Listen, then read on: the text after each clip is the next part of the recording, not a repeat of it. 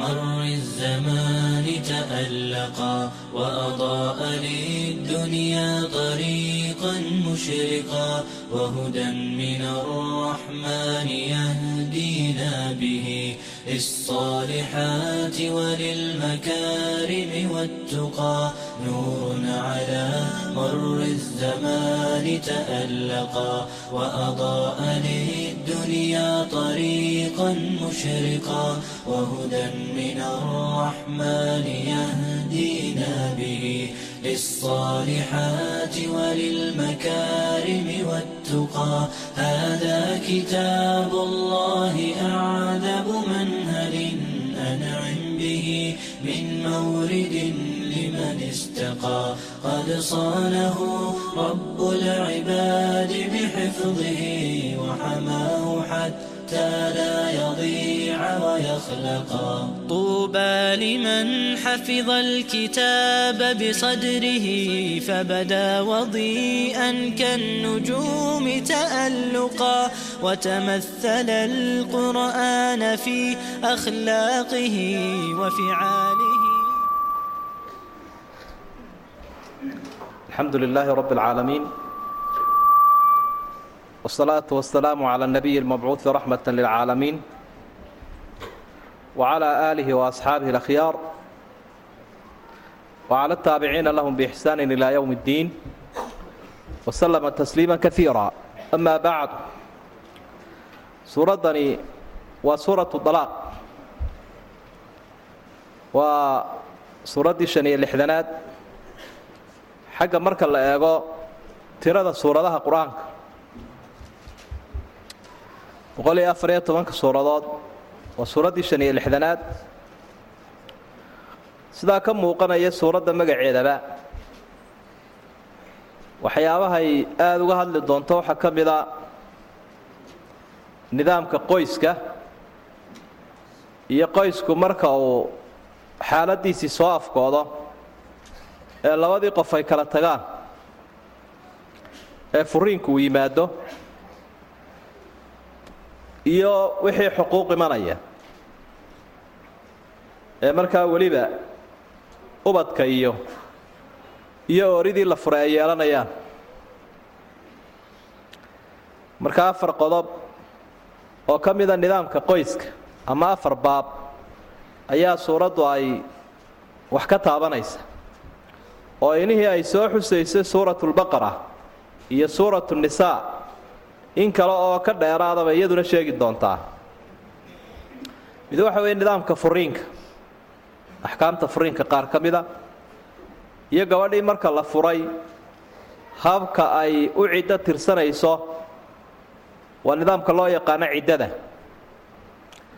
Iyo nidaamka saddexaad oo ah alrajca soo ceshiga gabadhii la furay la soo ceshanayo. Iyo arrinta afraad oo ah nafaqada ama wixii gabadhii la furay iyo carruurtu ay yeelan lahaayeena xuquuqa. Haddii ay tahay xanaanadii carruurta la xanaanaynayay iyo gabadhu wixii xuquuq ahaa ee ay lahayd. Afartaa baab baabu dalaaq wa baabu rajca wa baabulcidda wa baabu nafaqa afartaasoo fiqiga islaamiga ah mid walba baab gooniya loo gunto. Axaadiidta rasuulkanu sala allahu calayhi wasalam uu nebigu ku faahfaahiyey ayaa qayb ka mid ah ay sheegaysaa suuraddu. Intaa kadibna waxaa dhex socda suuraddu aynu arkaynaa dardaaranno aada u waaweyn oo mar walba ilaahay u dardaarmaya ummadda uu farayo awaamiruu siinaya ummadda inay ilaahay ka cabsadaan. Eegmadooduna aanay gaabnaanine meel dheer ay wax ka eegaan. Ku xisaabtamaan suuragalayta in laysku soo noqon karo. Marka in badan baa wacdiga iyo shucuurka ah iimaaniga ah iyo in meelka dhaca la yska ilaaliyo oo xuduudda ilaahay la ilaaliyo aayaadka ilaahay uu ku soo celcelin doonaa. Qaybta dambe suuradda waxaynu ku arkaynaa iyadoo ilaahay ummaddan uu kala hadlayo. Deeqda weyne uu sameeye uu siiyey ummadda. Waa qur'aanka waa rasuulka sala allahu calayhi wasalam iyo islaamnimadii iyo iimaanka. Idan markaa inay ka sahay qaataan ifkan sidaa ilaahay baa u tilmaamay. Iyagoo kitaabkooda kariimkaa ina uu hagayo nebigoodana ku dayanaya calayhi salaatu wasalaam suuradda qaybteeda dambe ilaahay waxa uu ku xusi doonaa awoodihiisa awoodahaasoo tilmaamaya inuu xaqu leeyahay sharciga noocan oo kale ah. Inuu dejiyo alaa lahu lkhalqu walamr. Khalqigaa kol hadduu leeyahay amarkiiyo taladana isagaa leh. Oo arrinkan qoyska wanaagsana uu idiin jideeyey gar buu leeyahay maadaama uu awooddaaba leeyahay. Bismi illaahi araxmaani araxiim yaa ayuha nnebiy nebi moxamedow idaa dallaqtum nnisaa marka dumarka aa furtaan fadalliquuhunna fura liciddatihinna liistiqbaali ciddatihinna si ay ciddadooda u bilaabi karaan. Wa axsul cidda ciddadana tiriya. Wattaquu llaaha rabbakum ilaahiinnana ka cabsada rabbigiinna ahaa. Laa tukhrijuuhunna dumarka ha ka saarina marka la furo min buyuutihinna guryahooda. Walaa yakhrujna iyaguna yay bixin ilaa an ya'tiina inay la yimaadaan mooyaane bifaaxishatin mubayina foolxumo cad wa tilka xuduudullaah taasi waa nidaamkii rabbi iyo xeerkiisii waman yatacadda xuduud allaah ilaahay nidaamkaa uu dhigay cidda tallowda faqad dalama nafsah kaasi naftiisii waa dulmiyo waa ku gardarooday ee ilaahay waxba muu yeelin laa tadrii ma ogid qof yahow la yidhi gabadha ha fogaynin waxaa laguu yidhi ha fogaynin laa tadrii ma ogide lacalla allaah ilaahay waxa u dhow yahay yuxdiu inuu keeno bacda daalika intaa la isfuray kadib amran arrin inuu soo cusboonaysiiyo oo xagga dambe labadii qof ay iska jeclaadaan meel dhowna ay iska soo qabsadaan markaa waxa ay tani tahay siyaabaha qur'aanka kariimka ahi uu wax u jideeyaabay aayaddu inoo tilmaamaysa. Waa yeedhmo nebiga loo yeedhay calayhi salaatu wasalaam. Ilaahay baa nebiga u yeedhay. Yeedhmadii haddana laguma day ilaahay kuma daynine. Waxa uu la hadlay ummaddii oo dhan. Yeedhmadiina waa rasuulka khitaabkii iyo lahadalkii iyo sharcigii la dejinayeyna. Ilaahay uu dejiyeyna waxa uu ku jahaysan yahay ummaddii oo dhan. Taasi markaa waxay tilmaamaysaa. Marka had iyo jeer ummadda islaamka raggooda ilaahay uu la hadlo dumarkiina way la socdaa marka rasuulka si gaara loola hadla calayhi salaatu wasalaam ummadduna waa kula jirtaa. Oo waxa iyo waxaa ha yeelin ummaddana waa loo diiday. Waxa iyo waxaa nebi maxamedow samee ummadduna way ku amran tahay. Ee ma aha midh loo qaadanayo inuu nebiga ku goonni yahay calayhi salaatu wasalaam. Waa masalo macruufka ku ah fii usuuli tafsiir. Tafsiirka iyo usuushiisa yaa ayuha nebiyu yeedhmadii isagiibaa ku jahaysantay. Haddana idaa dallaqtum nisaa idaa dallaqta nisaa maaha. Markaad dumarka furta maaha oo kelidii maaha. Laakiin waa markaad dumarka furtaan ee furri yimaadee qoyskii uu kala baxo. Arrintu marka ay caynkaasoo kale noqoto waxa ilaahay u amar ku bixiyey isagoo u naxariisanaya dumarkaa maatida ah in ciddadii wakhti ay bilaabi karto furiinku uu dhaco fadalliquuhunna liciddatihin waxaa jira gabadhu marka la furo wakhtina ciddadii way bilaabi karaysa oo ciddadu kow bay u noqonaysa wakhtina wuu dhaafayaayoo loo tirin maayo. gabadhu iyadoo daahira oon caado lahayn haddii la furo horay bay ka bilaabaysaa ciddada maalintaa la furayba laakiin iyadoo aan caado caado leh oo aan daahir ahayn haddii la furo tirsan mayso ciddadii jeer ay daahir noqoto. Waxaana laga yaabaa wakhtiga ay caadada leedahay toban cishuu noqon karaa ilaa dhowr iyo toban buu gaari karaa. Muddada intaa la eg waxba uma tirsana wakhtigaas sidaa daraaddeed ayaa ilaahay halkan uu amar ummadda ku siiyey si aan loo dhibin ooriyaha itaalka yare arrinkan takliiftii xilkan qaaday si aan loo dhimin baa ilaahay uhi ha la furo wakhti ay ciddada tirin karayso asxaabigii la odhan jiray cabdilaahi bni cumar. Waxa uu furay xaaskiisii. Cumar baa nebiga u sheegay calayhi salaatu wasalaam inankii islaantiibuu xaaskiisiibuu furay. Iyadoon daahir ahayn. Markaa rasuulku sala allahu calayhi wasalam waxau ihi murhu falyuraajixa. Amar ku sii ha soo ceshado. Markay dabeetana daahir noqoto hadduu doonayana ha haysto hadduu doonayana ha furo ciddada ilaahay uu ina faray ee uu yidhi fadalliquuhunna liciddatina waa taa. Sidii ilaahay uuna faray aan yeelno oo markaa ha yeelo oo ciddadu wakhti ay gabadhu tirin karayso ha furo gabadha. Waxaynu halkaa ka fahmaynaayoo kale dalaaqii inaanu mamnuuc ahayne wax jaahisawiya haddii laga fursan waayo saynu sheegi doonno. Wa axsul cidda. Waxa kaley tilmaamaysaa ciddada tiriya. In raggiina xil ka saaran yahay. Dumarkiina xil baa ka saaran waayo ilmahan ay caloosha ku sidaa isagu hadhowta ku abtirsanaya. Marka in ilma jiro iyo inaanu jirina riximkeeduu madhan yihi dee sida iyadiina xil baa ka saaran isagiina xil baa ka saaran. Waa ubad ku abtirsanayuu noqonaya.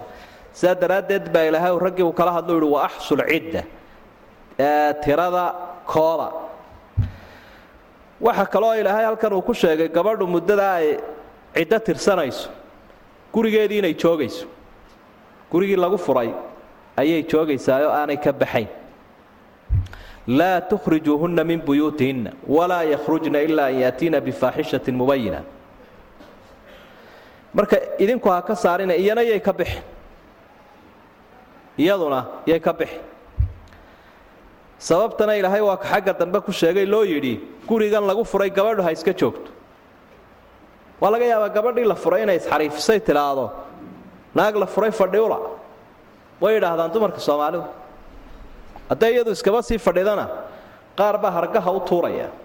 Daasadday u tuurayaanoo way didinayaan markaasaa waxay leedahay ninkii ku furee ku nacay weli miyaanad ka quusanin waabaad ka sii agdhowdahaye naag la furay fadhiula oo mahmahbaaday u sameeyeen meesha iskaga kaca. Iyadoo iyadu diyaarba u ahayd inay sii joogto waa kuwa hargaha u tuuree didiyey. Isagiina waaba laga yaabaa inuu dhaa tan waa isnacdeene may dhanuun kuu dhaafta maxaa ku agdhigay labadaba ilaahay uu jawaabo wuxuu uhi laa tadrii lacalla allaha yuxdiu bacda dalika amr. Waxba ma ogin insaan iyo u yarye waxaa laga yaabaa inuu ilaahay arrin soo cusboonaysiiyo intaa isfurteen kadib. Oo iyadiina la arkay iyada oo ninkii jecel isna la arkay isagoo u soo xoqanaya. Madaxaasu soo yaro xoqaya dabeetana wuxuu leeyahy sheekh waan cadhaysnaa kalarhkay qabsatay way qasabtay qaar baana dhexgalay sidanay noqotay. Furiinba umaan jeedin baaba laga yaaba inuu idhaahdaba qaarkood baaba laga yaabaa siday u jecel inay idhahaan mabaan furinba iyaduna ay tidhaahda mee wuu ifuro markhaatiyaashunay sheegaan. Marka arrimahan oo dhammi qalbiga qofka bani aadamkii wuu isbedbedelaa ilaahay abuuraa yaqaana subxaana wa tacaala. Qofkuna sidiisa hore marka uu go'aanka noocan oo kalea ridaya furiinka cadhaa jirta. Oo inta badan xaraga iyo farxad kuma yimaada furiinka cadhu ku yimaadaa sida badan furiinka go'aamada cadhada la qaataana canaan badan baa qofka had iyo jeer uu isu geystaayoo dee waata laydhaa cadho walaal waa la bariyaa. Markii horead cadhaysnayd go'aanka aad qaadan lahayd kolka aad nafiskatay qaadan maysid. Dabeetana labadii qof markay cadho jabaan. Mid walba dhinacu uu ku bannaanaado meeshii kan kale uu kaga gudbanaa daba ilaahay uga soo gasho. Dadkii kolkii hore furiinka ku abaabulayay ay kuba wiirsadaanba ay ku wiirsadaan iyadiiyo isagiiba. Ayuu odhanayaan maxaa kaa kala kaxeeyey? Iyana waxay odhanaysa maxaa kaa kaxeeyey? Kadibna kolkaasaa la isu soo xiisoonayaa kolkaasaa dabeetana iyaduna ay qiilday raadinaysaa isaguna uu raadinaya.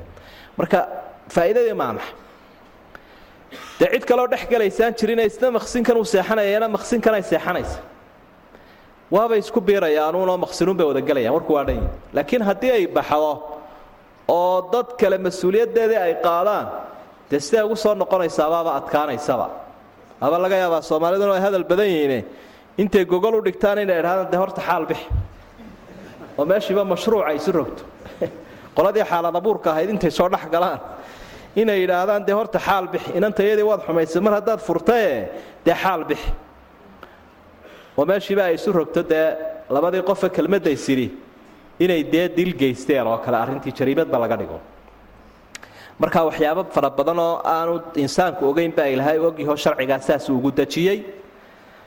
Waxaynu markaa yaro taaban lahay baahida ka jirta daraaddeed iyo furiinkaoo inagu badan awgeed nidaamka islaamiga ah ee furiinka uu u dhigay sharcigu iyo qodobo la xidhiidha bal inaan yaro durmarno inkastoo shaqadii qaadiga ay tahay haddana dhammaanteen wada qaadiyaynu nahay oo markaad xaaskaaga la joogto waa inaad qaadi noqotaa oo sharciga aad garanaysaa marka ehelkaaga aad la dhaqmayso markaad ummadaada la nooshahay waanaad garan kartaa nidaamka islaamku. Waxa uu ka yidhi masaladan furiinka iyo halka arrinkeeda uu gaadhsiisan yahay. Furiinku ama dalaaqu min aliطlaaqi baa laga keenay. Aw ay alirsaal waa siidayn adlaqtu lasiir lahaystiidaan sii daayay baad odhanaysa marka adlaqtulmara gabadhii dee xilay ayay waxay ahayd qof xilaahoo la qabaabay ahayd fii cismati rajul. Ninbay ayay u xanibnooydo ehelkiisa ahaydoo reerkoodii ay uga timid oo soo guuriyey wuu soo raro halkan uu keenay. Way isguursadeen. Sida uu soo guurayana way soo guurtay. Marka geedi dambay gelaysaa dabeedna idlaaqu xaggaasuu ka yimi islaamku wuxuu u inaanu wanaagsanayn furiinku hadduu sababla-aan yahay waayo miihaaqii ballantii qur'aanku uu sheegay baa dee la jaraya. Ilaahay baa wuxu uhi wa akhadna minkum miihaaqan haliidan ballan adag ayaa la galay oo ahaa nolol abadiya aan wada qaadanno. Ballantii maadaama la jarayo dee wax wanaagsan maaha. Rasuulkuna sala allahu calayhi wasalam waxa uu ku tilmaamayey guurku furiinku sabab la'aan inaanu hagaagsanayn. Xadiidkii xasankaa wuxuu lahaa ayuma mra'atin sa'alat zawjaha alaaqan min hayri maa ba'sin faxaraamun calayha raa'ixat ljanna gabadh kasta oo ninkeeda weydiisata furiin iyadoon wax dhibaato ahi jirin urta jannadu waa ka xaraam. Marka looma ogolo gabadhii ama ninkii hala guursado ama siyaabo kaleba ha sameeye haddii aanu wax dayacaada ku samaynin oo balaaya aanay jirin inay ku goolaaftanto furiinka oo ay goor walba soo qadinta unna fur haddaanad sidan yeelayn waayo xadiidkan baa haysta nebiguna calayhi salaatu wasalaam wuxuu tilmaamay jannada geliddeeda inay ku waayayso xadiidka isagu tilmaamaya abqadulxalaali ilallaahi dalaaq ma sugmin isagu waa daciif. Xukumkiisa axkaamulkhamsaha ay culimmada mariyaan oo mararka qaarkood baaba furiinkii waajib buu noqon karaa mar sunnuu noqon karaa mar xaraam mar karaahiya. Wakhtiyada waajibka yahay waxaa ka mid ah dee marka labadii qof inta ay is-eedaan ay isla luufluufaan ay isla rafaadaan labadii garsoore qur'aanku uu sheegay labadii xakam labadii xigto labadoodoo labada xigtaa loo diro ay soo go'aamiyaan kuwani wada socod inaanay lahayn ha la kala furo in la kala dhaqaajiya waa waajib. Waxaa kaloo wakhtiyada waajibka yahay ka mid ah dalaaqulmuuli ninkii markaa gabadha ka dhaartay ee yidhi intaa inaanan intaasoo bilood kuu iman kuu galmoonin baa intaa igu wallaahiya sideed bilood inaanan galmo kuu samayn baa wallaahiya markaa dee afartii biloodee qur'aanku uu sheegay markay dhammaadaan hadday iyadii sabri kari weyda ashkatayso dee furiinkii waajib buu noqonaya. Liladiina yuuluuna min nisaa'ihim tarabusu arbacati ashhur. Sidaa ilaahay aayaadkaa ku tilmaamay. Xigmadda loo jideeye furiinka waa dafcan lidarar dhibkii iman lahaabaa meesha laga saaraya. Waayo bani aadamku waxa iska dhacda mararka qaarkood inay isla jaan kari waayaan xagga dabeecadda ilaa labadan qof markay isguursanayeen kanna qalbigiisa kuma jirin ka kale. Laakiin dee waxyaabo guudunbay eegeen.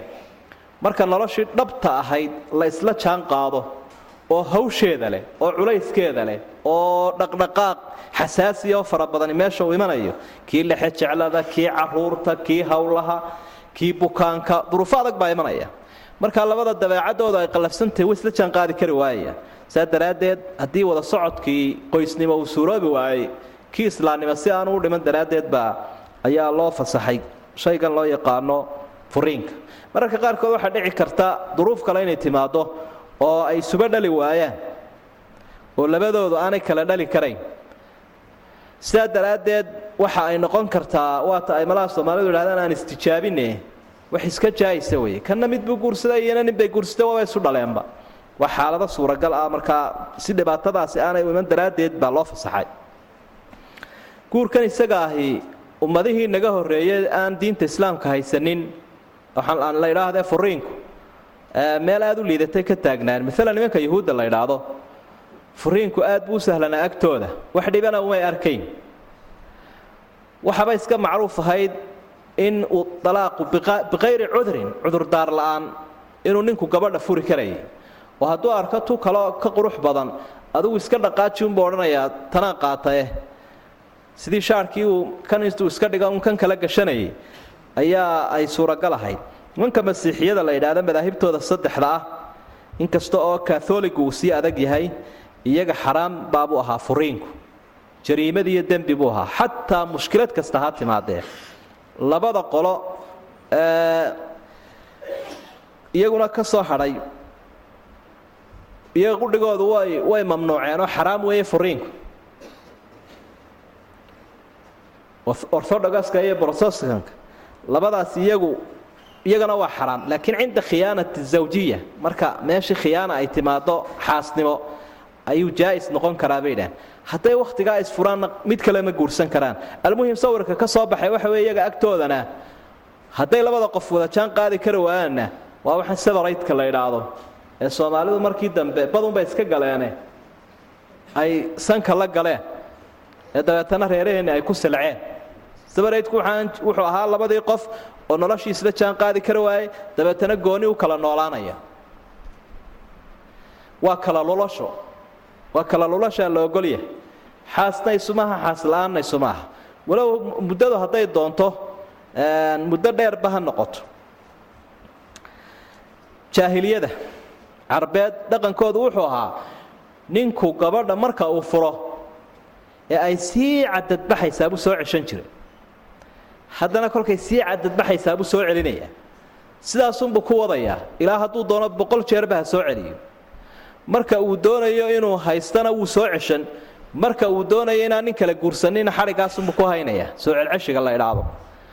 Tiibaa wakhtigii rasuulku sala allahu calayh wasalam ilaahay uu soo saaray looga cawdayoo waa ilaahay uu soo dejiyey aayaadkaa uu ihi addalaaqu marataan dalaaqu waa laba jeeru laba jeerunbuu soo ceshi suuroobi karayaae marka saddexaad haddii furi yimaado soo ceshi ma jiro. Dalaaqu ama furiinku waa min xaqi zawj. Waa xaqa ninka. Oo ninka saddex arrimood baa la saaro culculus meherkii iyo masruufkii iyo difaacii reerka si kale haddaynu u dhigno waxallo wixii dhaqaale la xidhiidhoo dham isagu saaran yihi aqalkii qoyska biilkiisii magtii reerka masruufkii sakaatufidrigii walqashii martidii waxallo wixii la xidhiidho dhaqaale oori waxba lama weydiiyo. Kiishadeedu haba weynaato aan kowkeeduba ha buuxa doonaye taasi waa midh weeye iyo talabaad oo ah qadiyadda difaaca. Haddii qoyska la difaacaya haddii dalka la difaacaya labadaba isagay saaran yihiin si kale haddaynu dhigno waa laba arrimood oo culus nafta iyo maalka nafta iyo maalka. Lexejeclada iyo nafta bay dhahaan soomaalidu. Mar bay wada baxaan. Labadiiba ninka ayaa qadimo halkaa dhigay iyadoo aqalkeeda iska fadhidaa nafna may qadimin maalna may qadimin halkeedanay ku maamuusanta laakiin isagu labadiiba halkan uu soo dhigay markuu arrinkii caynkaa noqday waana ta ilaahay uu tilmaamaya arijaalu qawaamuuna cala nisaa. Qawaamnimadaas arrimahaasay sheegaysa. Qawaamuuna cala nisaai bima fadala allahu bacdahum calaa bacdin wa bima anfaquu min amwaalihim. Labadaasaa lagala soo baxaya. Saddex arrimood baa isagiina loogu abaalguday. Geedkii rag la odhan jiray. Ninka naf iyo maalba qadimay miyaanu abaalgud mudnayn? Meesha in la murmo un maahee waxaa la yidhi horta kow ubadkii ha ku abtirsada isaga ubadkii ilmo heblaaye maahee ba hebelna ma ahee waxa weeyaan ilmo hebel uu ku abtirsanaya ilaa aakhiro. Soomaalidu waxay idhahdaan aakhiro islaanta lagu soo xaadiraaye taaqii looma hayo. Waxaa xadiidka rasuulka ku sugan calayhi salaatu wasalaam maalinta qiyaamaha qofkii ballanta jebin jiray calan dheer baa xagga dambe laga taagaya. Haadihi khadratu fulaan ibnu fulaan. Kani waa ballanfurkii hebel hebel marka hebel heblaaye maaha laakiin waa hebel hebel. Abtirsimadii xaggii bay weli u socotaa. Waxaa kaloo loogu abaalguday inuu dalqadda hayo. Oo waxaa la adigu steerinkaana hay waana macruuf. Meesha maalkaa galay iyo qofka halkan maalgeliya iyo ka aan waxba kaga bixin isku lexa jeclo maaha. Ninkani reerka markii uu imika dhisayay labaatan kun oo dollar baa kaga baxay iyadana labaatan kuba iyaday ku baxeenba marka la idhaahdo furiinkii iyada ha loo dhiibo. Dee kos wax alla waxay ku joogto badaniba ma jiro. Waynu murannay soo ma aha aan kala magaalaysanna bay odhanaysa laakiin isagu ninka abu cishriin ninka labaatan kaga baxeen. Waxa kolba hareeruhu eegaya kolla aqalku eegaya kolla iyadu eegaya kolla dahabkeediibuu eegaya kolla wuxuu eegayaa yaradkii ka baxay iyo ka dambee sugaya. Dabeetana wuxuu odhanayaa ilaah unbaa faraj furaya ha joogto. Waa markaan arrin diineedba laga eegin maadadaba laga eegaba xataa sidoo kale waxaa saddexaadoo lagu abaalguday markaa hogaamintii hogaamintii oo cidda had iyo jeer dee maalgelintii haysaa dee waa inay managementkii iyo maamulkiina labaa laba arrimood oo wada socdee iyadana yeelato saddexda arrimood baa sida loogu abaalguday iyada oo dhinacyo fara badan marka laega ilaahay sharcigan dejiyabaa ogsoon labada qofka hawsha ku wanaagsan. Isagaana ku fiican marka qadiyaddii hogaaminta waaya dalaaqii sidaasuu noqday ummadihii yidhi maya ee iyana way isfuri kartaa. Dee halkay ka dhaceen waa la gartay. Nimanka gaaladaabaa yidhi maya iyana way isfuri kartaayoo furiinkii wuxuu noqday waxaan caadi ahayn iyaba ay ka garaabeen. Qodobka sagaalaad aynu xusi lahayn waxa weeye yaa furiinku uu ka suuroobi karaa. Si aynu isula fahamnaba hebel baa wax furay iyo hebel baa dalqadiisu dhacdaiyo may dhicin. Waa qofka shuruuddan saddexdaa leh alcaaqilu albaaliqu lmukhtaar waa qof miyir qaba oo qaangaadha oo aan la qasbin lidaalik ba haddii qofka la qasbo. Ama uu hurdaba oo hurda uu ku dhawaaqo ama is-ilowsan yahay ama caqliga wax uga dhinmaan oo maalmihii uu waalaa uu wax furo ama weli aanu qaangaadhinba intaa midna furiinkoodu ma dhacayo. Oo qof aan qaangaadhin baa wax guursada ha u guursadaa limaslaxa ilmaha yar iyo qofka waalan iyo waa loo guuriyaa dantoodu hadday ku jirto. Baahiba badaniba yay jirin. Laakiin mararka qaarkood baa maslaxa maslaxa iyo xaaja baa kala jira. Maslaxa ugu jiri karta ilmihii yaraa oo xabad kori soo xambaarata oo ku sugta. Isagiiyo adduunkiisaba haddii loo helo arrinku waa dhag weeye iyadana wuu korsan karaa isna way korsan kartaa. Wax mushkiladii ma jiro. Lidaalik baa culimmadu ay ka murmaan qofka had iyo jeer sakhraanka la idhaahdo iyo qofka cadhaysan arrinkooda sakhraankiio dee waa waalan yahay. Marka ma waxayn loola xisaabtamayaa nin waalan. Mise wuu iswaalee waa baab gooniya culimmada islaamku waxay u badan yihiin inuu dalqadiisu ay dhacayso isbiirtoolaha ah sakhraanka. Ah haddaynu nidhaahno ma dhacayo dee mid waliba waa yar cabbu odhan. Idan markaa waalidu waa miduu isu keenay mid ilaahay u keenay maaha. Marka wuu dhacaya. Culimmada qaarkood baa yidhahda war mee waali waa waaliye haba iswaale xaasilka dambuun ha la eega mar haddaanu miyir qabin yuu dhicin almuhim qowlka raajixay waa kaa qofka cadhaysan isaga laftiisa cadhadiisa saddex bay culimmadu u qaybiyaan. Cadho qofku uu isbedelayo. Sidii qofkii waalaayoo kale. Iyo mid si wanaagsan uu waxu garanayo. Iyo mid labadaa udhaxaysa markaa qofku hadduu cadhadii uu isla bedelayo ama dhiikarka dadkan qaba ama macaanka ama xabadda oo hadalkiisiiba aanu garanayninba dalqadiisu ma dhacayso.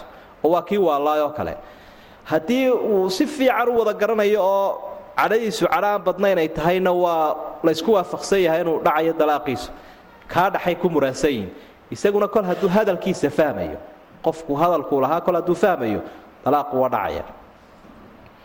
Gabadha la furi karo kii wax furi karaya haddaynu aragnay gabadha la fura karayaa waxa weeye gabadha xaaska ah. Haddii laakiin aanay xaas ahayn oo iyadoo halkaa joogto u idhaahda heblaaye markaan guursado waan furay. Ama to aanu qabinba buu leeya waan furay. De maxaa ka ansaxaya? Waxba kama ansaxaya. Waxaa kaloo iyaduna furmi kartaa ta intoo la furay ku jirta wakhtigii la soo ceshan karaya wakhtigii cadadbaxa hal dalquu furay iyadoo weli ciddadii tirsanaysu ihi mid labaad baan ku furay way ku dhacaysa. Mid saddexaad baan ku furay way ku dhacaysa. Way u dhammaanayaan dalqado labadaa qaybood baa dalaaqu ku dhici karaya dalaaqu muxuu ku dhici karaa? Wax qofkii ka iman karee. Wuxuu ku dhici karaa bisariixi wa bilkinaaya. Erayo cadcad iyo erayo maldahan waan ku furay heblaayo hebelay waa war cad weeye hadal cad weeye waa furiina. Waa kaa qur'aanku isticmaalaya saraax iyo dalaaq iyo firaaq iyo waa erayada af soomaaliga marka lagu turjumo waa furiin ayuunbay noqonayaan erayo maldahan baa jira ama dadban ama sarbeeban oo loo yaqaano kinaayaatu dalaaq. Waxaa ka mid a qoraalkii maalan ama email ha ugu diro ama internet ama waraaq ha u qoro ama waxa u geliyo. Waxyaabahaasina waa iska badan yihiin. Waxa loo yaqaana waa kinaaya. Waxa kinaayana shardiya inay niya la socoto. Marka qofkii haddii uu niyoodo haa way furmaysa. Haddii laakiin aanu niyoon maya. Erayada dadban waxaa ka mid a heblaayoy ilxaqii biahlik reerkiinnii haleel saacaddaa laga bilaabo seetadu way kuugu duuban tahay. Erayo noocaas aan kala dhaqaajinno iska dhaqaaji. Erayadaa dib baa loo weydiinaya qaadigu wuxuu leeyay ma baad ula jeeday mise maya wixii uu ku jawaabaabaa la eegi. Isagiiyo ilaahiisa. Isagoo furiin uga jeeda hadduu idhaahdo maya isagay ku qalladanta dhalaaqu ma u baahan yahay markhaati? Mise uu dhici karaa markhaati la'aantii? Jumhuuru salafi waalkhalaf culimmada islaamku kuwoodii hor iyo kuwoodii dambeba waxay u badan yihiin in sunno uunuu yahay markhaatigelintu soo ceshiga iyo furiinkaba in markhaati loo sameeyaa waa sunne. Marka hore meherinta waa waajib. Laakiin marka la furayo marka gabadha la soo ceshanayo labadaa jeerba markhaatigu waa sunne. Aayaadkan waynu ku arki doonnaa aayaddana waashhiduu daway cadlin minku. Waashhiduu daway cadlin minku. Marka amarkaasi waa sunne bay leeyihiin waxa markaas amarkaa ka duway waajibnimada. Hadigii rasuulka sala allahu calayhi wasalam siduu ama isagu waxu furi jiray ama asxaabtiisa marka la eego leeya xafsaba waa kii furae lama sheegin inuu markhaati u samaynaya furiinka. Ibnu cumar markii uu furayay muu weydiin nebigu mu odhanin markuu furaya miyay markhaati lahayd?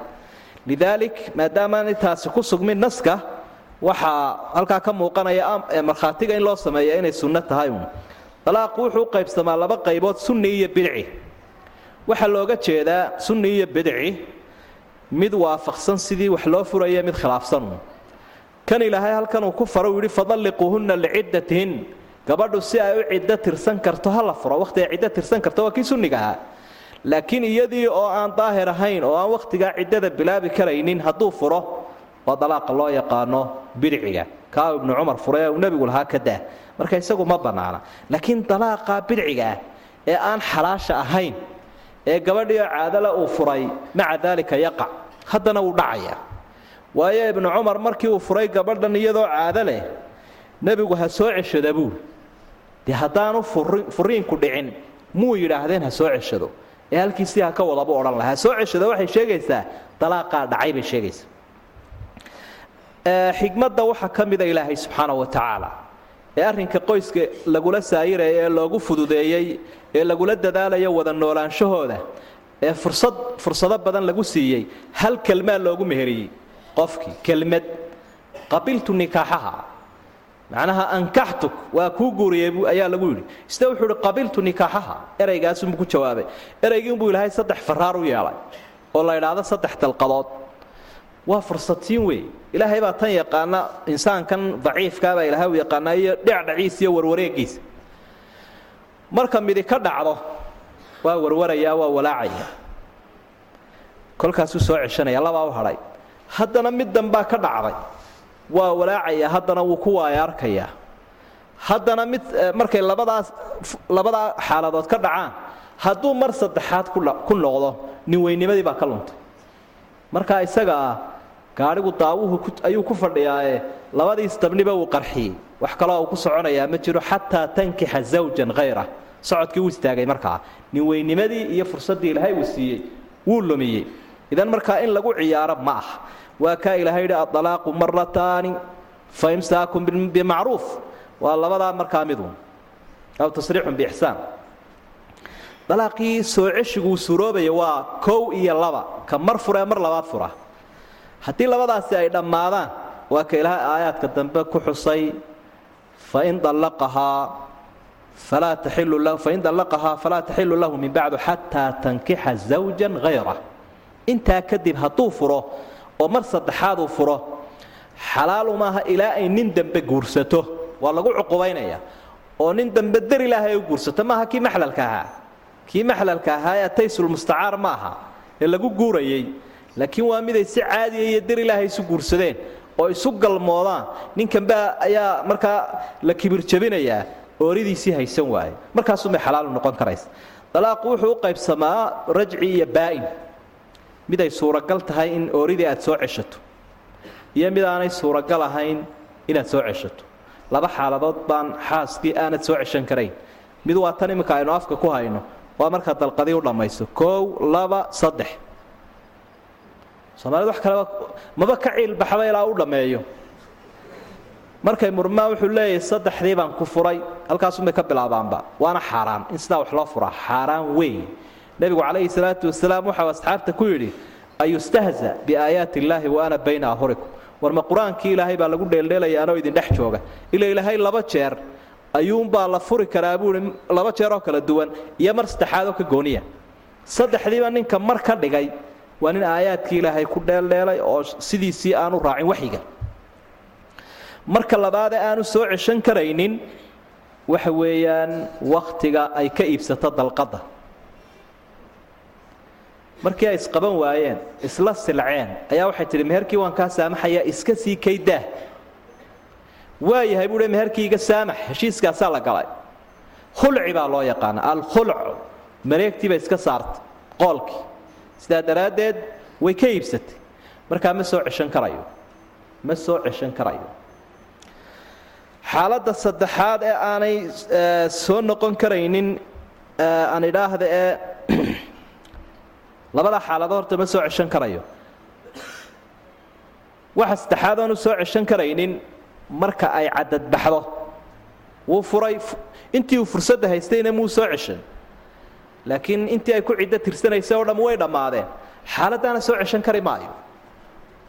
Oo maalan hadday saddex bilood ku tirsanaysay saddexdiiba way dhammaadeen hadday saddex duhri ahaayeen saddexdiiba way dhammaadeen markaana sooma ceshan karayo.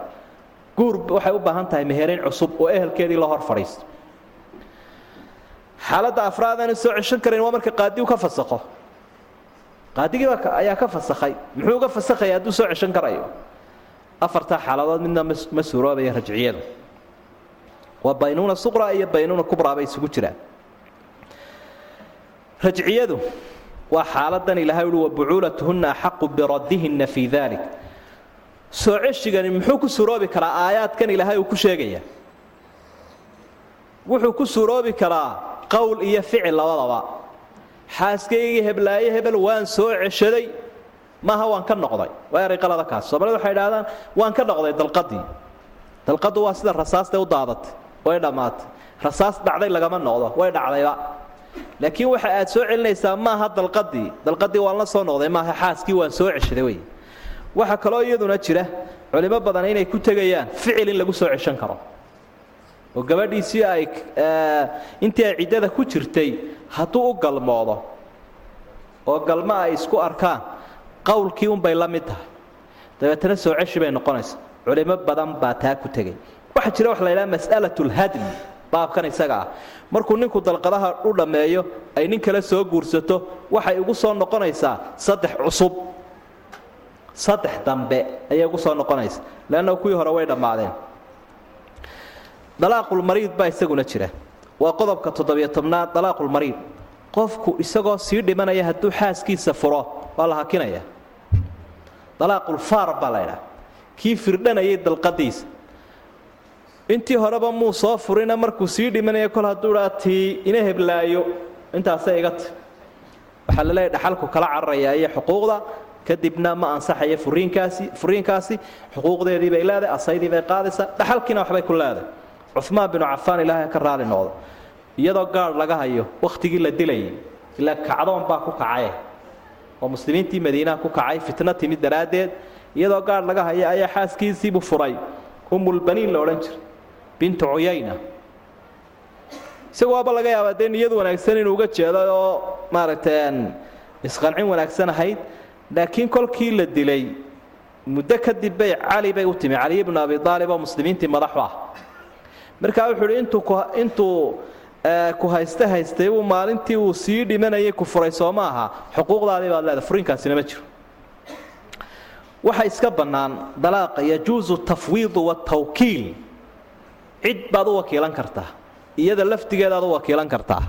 Waa arrin islaamaha jubku amalaha eh. Haddii ay muranka badisoo tidhaahda heblaayoy ifur baad iga dayn weyda saacaddaa laga bilaabo waan ku wakiishayba.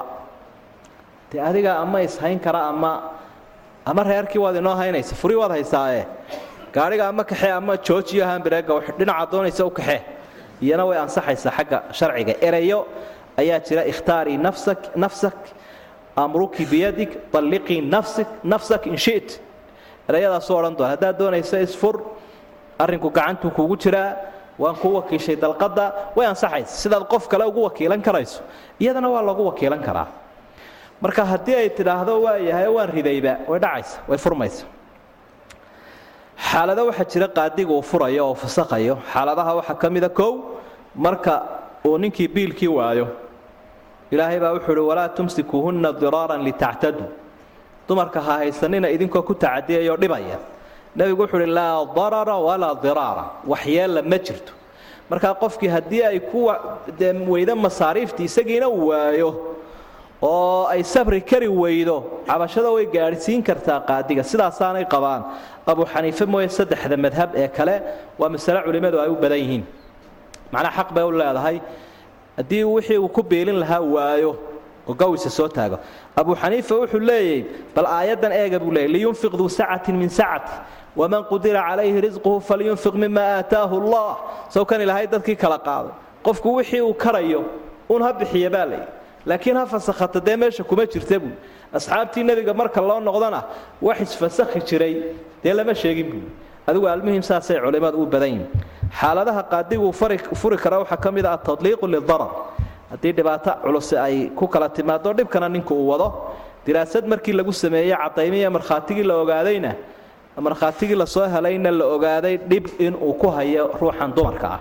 Marka wuxuu khilaafay fa imsaakun bimacruufin aw tasriixun biixsaan taa wuu khilaafay wacaashiruuhunna bilmacruuf si wanaagsan ula dhaqma ayaa ilaahay uhi taana wuu khilaafay. Xaaladaasina wax jira waa inay tahayoo aanay ismoodsiisiyo iyo gabadhoo isyeelyeelaysa aanay ka ahayn. Waayo dhibku waxa uu luminayaa raaxadii qoysnimada in la kala dego ayaa roon kolka ah. Xaaladaha u fasakhi kara waxaa ka mida markuu ninkii mafquud noqday laba waayo. Ama doonni baa la qaraqantay ama meelunbuu ku libdhawaaba soo laaban waayeba waa mafquud waa fasakhi karaya xaaladaa go'aankaa uu gaari karaya qaadigu. Marka uu dee shuhuud iyo waxyaaba badan cuskada arrinka la diraaseeyo xaaladuu fasakhi karaya waxaa ka mid a cinda khaybati zawj. Markuu ninkii maqnaado maqnaanshahaasi laakiin shuruud baa ku xidhan. Shuruuddaa waxaa ka mida wuxuu u maqan yahay cudurdaar. La aqbali karo la'aantii uma shaqo tegin waxbarasho kuma jiro caafimaad kuma jiro wuu dhagooleeyey. Dabeetana wuu iskaga libdhay. Dayacaad baa muuqata. Iyadiina waa inay ku dhibaatooto maqnaanshaha oy sabri kari weydo meeshuu ku maqan yahay dalkay joogto waa inaanu ahayn. Muddaduna waa inay dheeraato. Inkastoo culimmadu isku khilaafsan yihiin muddadaa iyada qaarba ay wakhti maarata qaar afar sano iyo qaar kaba yareeya intuba way jiraan. Hadday sabri kari inay sabirtana xaq bay u leedahay. Hadday rajo ka damacsantahay haddii kalena inay deldelnaato lama ogolo ruuxan dumari raaxana way rabtaa taranna way rabtaa iyo wehelba marka hadduu wadi kari waayey waa looga farajadayaa. Faraj baa markaa shareecadu waxay u samaysay makhraj iyo meelay uga baxa laakiin arrimaha noocaasa in lagu degdego maaha waa in la hubiyaa horta oo shuruudaha la tixgeliyaa. Xaaladuu fasakhi karaya waxaa ka mida marka ninkii la xidho laba madhab baa qaba maalig iyo axmed. Muddaduna dheeraato. Go'aankaasina go'aan aan raxfaan laga qaadan karayninee nihaayiya uu noqdo iyadiina ay sabri kari weydo. Duruufo badan oo ku yimid daraaddeed markaana sharcigu u ogolyahay. Qof baa laga yaaba labaatan sano in la xukumo kadibna dee soodayntiisiina laga quusto. Markaasoo kale sharcigu ikhtiyaar buu siiyey. Inay sabirto iyo inay dacwoto labadaba. Waa wax fiqiga ku xusan weeyo isaguna jira. Intaa markaynu sii dhaafno waxaynu ku soo gebagabayn lahayn bal si dadka loo maarayn karo mushkiladooda loogana taxadiri karo wadcigeennan iyo waddankeenna sababaha keeni kara furiinka.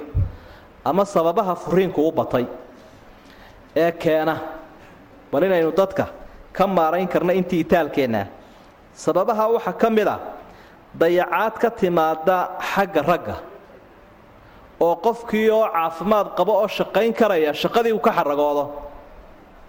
Ama kuuli ha u shaqo tago ama waashmaan ha u shaqo tago isagoo shaqo kari karaya oo masruufkii soo bislayn karaya.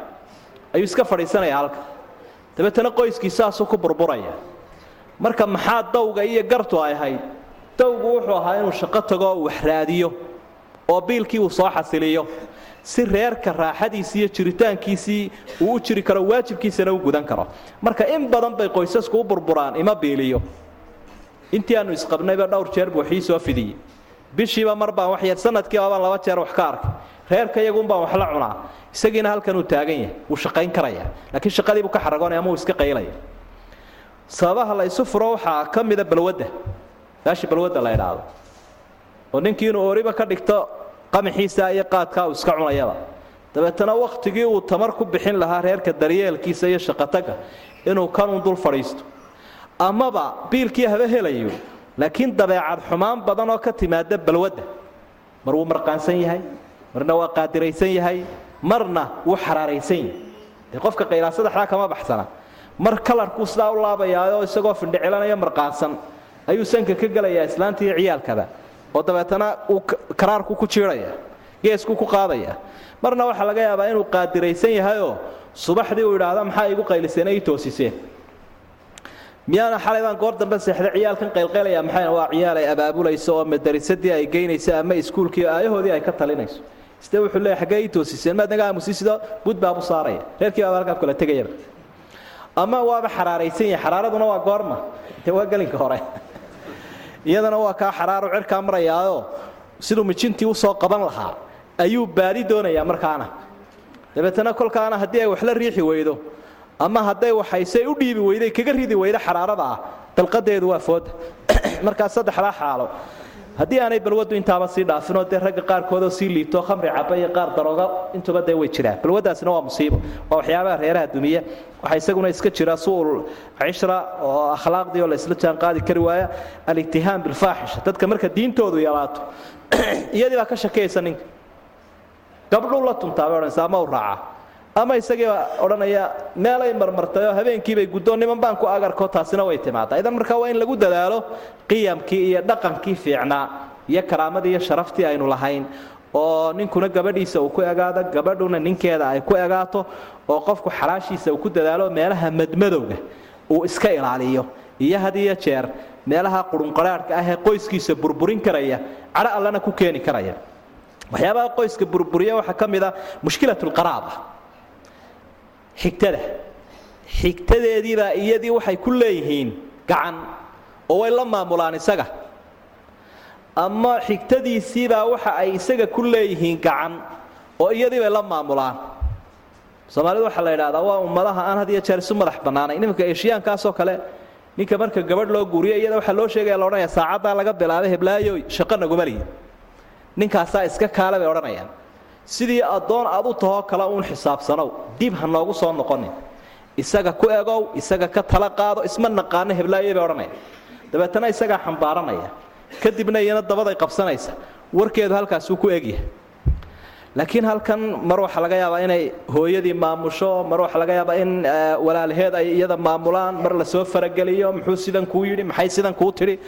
Dabeetana dhib badan uu ka yimaado lidaalik bay habboontahy inta faraha badan in laga duulo zur iban tasdad xubban zur iban tasdad xubban waa waa xikmad carabeed weeye marmaris booqda si kalgacalku u kordho oo laba haddii duruuftu saamaxayso waa inaan la wada dejinin dadka noocan oo kale ah ee ehelka ah ee isku dhacoodu dhibka badan iyo burburka uu keenayo inaan guri la wada dejin had iyo jeer gabadha ninka way isku dhacaanuun hooyadii iyo iyo maxay? Iyo hablaha. Hablaha isaga walaala yihiin iyo hooyadii. Wuxuunaad arkaysaa uun iyagoo markiiba isasanifaya hooyadeed iyo hablaheed hablahay walaalahayin waa laga yaaba inay muddo wada noolaadaan ama aanay wax badan isku qabaan laakiin kuwan markiiba isku dhacan idan markaa waxaa fiican intii suuragala. Intaanad hooyana iskaraahiyaysan qoyskana aydaan iskaraahiyaysan carruurtana aydaan kala yaacin. Iyadana ehelkana meel deji iyadana meel deji dabeetana dherina ha isugu darin kijinna isugu darin meel la wada masaxayo daaradna ha isugu darine madaxa isla dhacayaane. Halkan maxaad u masixi weyday? Adiguba masaxunbay ka bilaabmaysa. Wax yaroo maynaro haddii duruuftu saamaxaysa intii la kala ilaalin weligoodba ha yidhahdaanna wada deji. Xagaad noo kala warwareejinaysa dheri quraan wada samaysan le kharashka inaga yaraan lahaa. Maya kharashkana alla inoo barakayna kala deganaada hayse saarnaanine waa culamaau tarbiya. Culimmada tarbiyadu waa siday door bidaan wey dadka ehelkahay si ay isu jeclaadaan inaan la isugu xaraynin kijinka iyo maqsinka. Laakiin intii la kari kare la kala warwareejiyo waadu waxaad jeceshahay inaad hooyo wada noolaataan hablihiinna isjeclaataan xaaskaaga isjeclaataan carruurtaada isjeclaataan iyagina waa maati. Madaxay isla gelayaan. Marka intaad iyada eryi lahayd furi lahayd ama hooye aad tuuri lahayd iyadoo u go'i lahayd sida aad u wada wadi lahayd inaad ka duusho arrimaha qaybta ka aweeye faragelintana laga yareeyo xaasaska oo dadka qaraabadu ay isu daayaan ehelka isqaba si ay arrimahooda u maarayn karaan. Mushkiladaha waxaa ka mida iyadoo shaqo tagtada intay kolaya kiishad qaadato gaari fuursho shaari shaari noqoto. Isagiina wuu daba taagan wuxuu ku leeyahay heblaayo anaa ku biilinaya fadhiiso. Iyana waxay leedahay warmee wax ka badan baan soo xasilinayaae idaa haddaad fadhiisan kari haddaad fadhiisan weydo oo aadi diidda waad furantahay buu leeyahay. Marka waxaa fiican kol hadduu biilkii isagu diyaaru la dee inay fadhiisato masruufkeeda si raaxa ay halkaa ugu qaadato waxyaabaha qoysaska burburiya waxaa ka mid ah dad xusaadoo soo dhex gala kullu dii nicmatin maxsuud baa leeyahy qof kastoo nicmo leh waa la xaasidaa. Marka dad had jeerna maamiinahoo iyaguna liita. Idan markaa waa inay dumarkuna ku baraarugaan. Ciddii ninkeeda ku diraysa ninkuna ciddii xaaskiisa ku diraysa. Waanu ka feejignaadaa waanu ka feejignaadaa iska ilaaliya. Waayo qofkaas wuxuu qaadanaya doorkii shaydaanka. Kaalintii shaydaanku qaadanaya. Rasuulku wuxuu tilmaamay calayhi salaatu wasalaam shaydaanku sariir weyn buu duldhigt ayuu badda dusheeda dhiganaya. Colaal buu ku soo daynaya ilmo bani aadam. Kolba mid baa warbixin keenaya o odhanaya waxaasaan sameeye waxaasaan sameeye waxaasaan sameeye ii fadhiiso odhanaya. Waxaasaad samaysa warbixintu ka qaadaya iyo howlgalkiisa mid baa marka dambe odhanaya inkii hebel waxba kagamaan tegin ilaa aan isagii iyo ooridiisii kala eriyey. Markaasuu leeyahy soo dhowow halkan iisoo fadhiisa kaasaa igu bannaan. Marka ninka qoys dumiye shaydaanka waa ka ugu shaqo weyn weeye idan markaa haddii aad qoys wada nool aad kala erido shaydaankii shaqada u liidatee u weyn qabtay baad markaa noqonaysa. Idan markaa rag iyo dumarba haddii dadku isa seegaan kaalinta aad ku leedahay waxa wey inaad isu bustayso un inaad isu bustayso ood isku celiso waxyaabaha keena had iyo jeer furiinka waxaa ka mid a ama sabab u noqda maqnaanshaha faraha badan. Nin baa laga yaabaa inuu idhaahdo toban sanaa reerkii kala maqan toban sannadood shan sannadood maxay tahay waxaas maxay isu guursanayeen labadan qof. Soo inay tarmaan ma ahayn oo inay asturmaan ma ahayn oo inay raaxo wada qaataan ma ahayn oo inay isweheshadaan ma ahayn oo inuu tarbiyeeyo ma ahayn mar kastoo ninku xaaskiisa uu ka maqan yahay waxaa tarbiyadeedu way qalloocanaysaa dabeecaddeedu way qalloocanaysaa kaalinteed ugu jirtay dad kalaa gelaya qolyo kale ayaa laga yaabaa sida ama telefoon ugu wadaan ama ay ula saaxiibayso ama ay hudheel ugu raacayso aroos ula tumayso in iyadoo goordhow aad u timaado turjumaan u baahanba gabadhii caadiga ahayd ee miyirka qabtay iyadoo af jayniis ku hadlayso idaan isafgaranayninba inaad u timaadaa laga yaaba tidhahda maxaa ku hele heblaayo. Dabadaabaa la helay.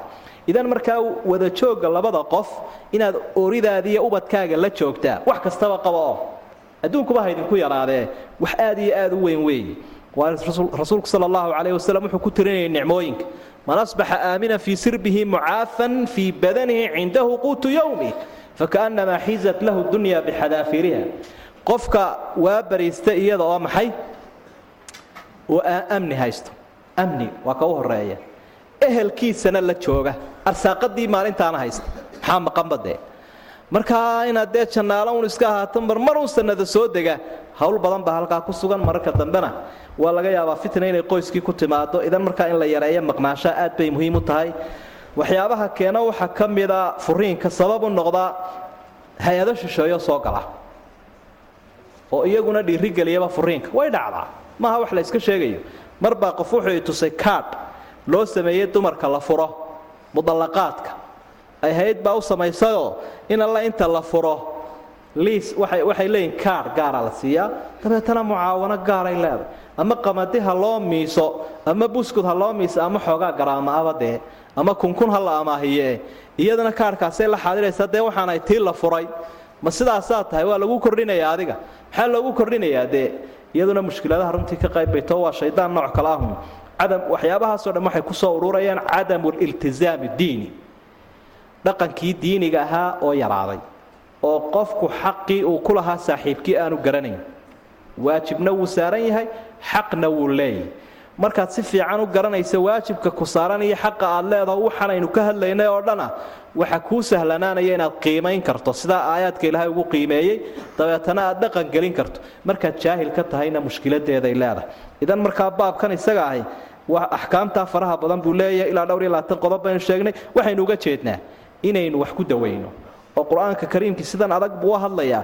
Sida culus baa ilaahay inoo waaninayaa waa qiimayn la qiimeeyey qoyska iyo sharafta uu leeyahay iyo dhismihii bulshada islaamku inuu isaga ku taagan yahay.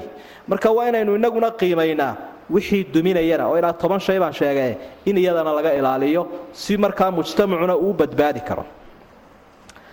Qaala allahu tacaala ilaahay baa wuxuu idhi faidaa balaqna dumarkii markay ku dhowaadaan gaadhaan macnaheedu ku dhowaadaan ajalahunna wakhtigooda ay cadadbaxaysa fa amsikuuhunna bimacruuf si wanaagsan u soo ceshada aw faariquuhunna bimacruuf ama si wanaagsan u sii daaya wa ashhiduu markhaatigeliya daway cadlin minkum laba caadiliin oo idinka mid ah wa aqiimuu shahaadata lilaah markhaatiga ilaahay daraaddii u toosiya u fura daalikum yucadu bihi kiinaasaa lagu waaninayaa man qof baa lagu waaninayaa kaana ahaaday yu'minu billaah ilaahay mid rumaysan walyowmi alaakhir iyo maalinka dambeo qiyaamaha ah waman yattaqi llaaha cidda ilaahay ka cabsata yajcal lahu makhrajan meel buu u yeeli doonaa dhibaatada uga baxo.